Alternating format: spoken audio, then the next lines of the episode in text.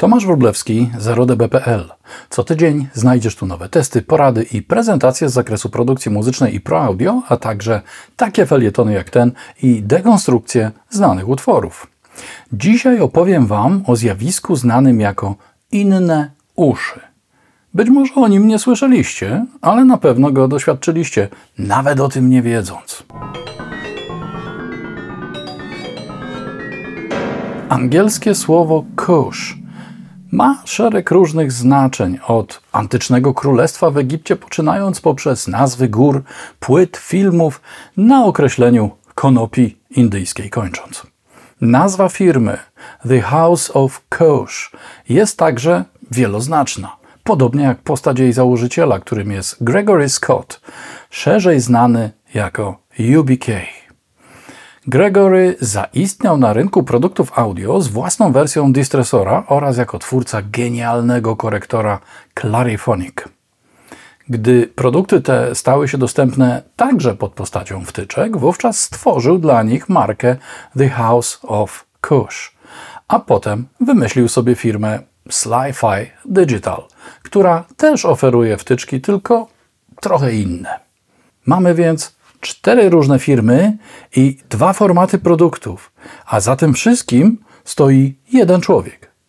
Swego czasu zamieszczał podcasty w różnych miejscach w internecie pod hasłem The UBK Happy Funtime Hour.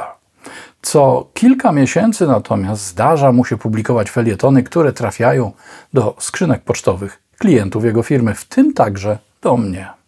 Są to jedne z najbardziej inspirujących tekstów, z jakimi się spotykam.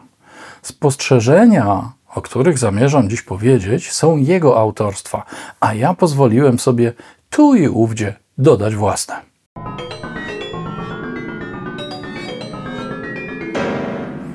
Stworzyłeś właśnie kolejny najlepszy utwór w Twoim życiu. Zawsze tak jest, a jeśli nie, to masz do czynienia z twórczym kryzysem ale zakładamy, że ten utwór znów jest najlepszy, bo przy każdym kolejnym odsłuchu podobać się jeszcze bardziej i pomału zaczynasz popadać w stany euforyczne. Wtedy następuje moment, kiedy chcesz lub musisz puścić go innej osobie, która przebywa z tobą w studiu.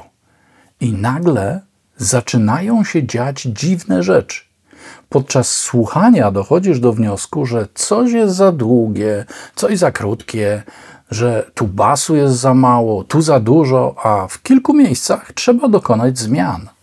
Ale przecież nic się nie zmieniło. To cały czas ten sam utwór, który jeszcze chwilę wcześniej wydawał ci się idealny. Okazuje się, że już sama obecność innej osoby sprawiła, że doświadczyłeś, doświadczyłaś intrygującego zjawiska słuchania przez inne uszy. Zacząłeś postrzegać doskonale znaną ci muzykę z innej perspektywy. Doszedł bowiem bardzo istotny element, jakim jest myślenie o tym, jak ktoś inny może odbierać Twoją muzykę. Wyłączyła się działająca do tej pory percepcja operacyjna, nastawiona na działanie, a jednocześnie włączyła percepcja konsumencka, nastawiona na słuchanie. Przestałeś myśleć o szczegółach technicznych, bo pojawił się ktoś, kto nie ma o nich pojęcia i po prostu słucha muzyki. Ponadto jesteś w stanie wyczuć i zaobserwować, jak Twoja muzyka działa na słuchacza, a Ty zaczynasz się czuć odpowiedzialna lub odpowiedzialny za jego, jej samopoczucie. A to jest wskazówka znacznie cenniejsza od tego, co pokazuje analizator widma czy miernik głębokości kompresji. Taki odsłuch innymi uszami dostarcza wielu bezcennych informacji. I jeśli znasz się na swojej robocie, a utwór jest rzeczywiście niezły, to dzięki temu eksperymentowi jesteś w stanie wprowadzić odpowiednie poprawki. Zawsze powinien być ktoś, kto wraz z tobą wysłucha pierwszego miksu i będzie pierwszym odbiorcą Twojego utworu. Jak wspomniałem, ta osoba wcale nie musi znać się na muzyce, nie musi mieć żadnej opinii na temat tego, czego słucha. Może po prostu wypić z tobą herbatę, potem pogadać chwilę o czymś zupełnie innym niż twoja muzyka i sobie pójść. Nie ma nawet większego sensu pytać, czy coś się podobało, czy nie.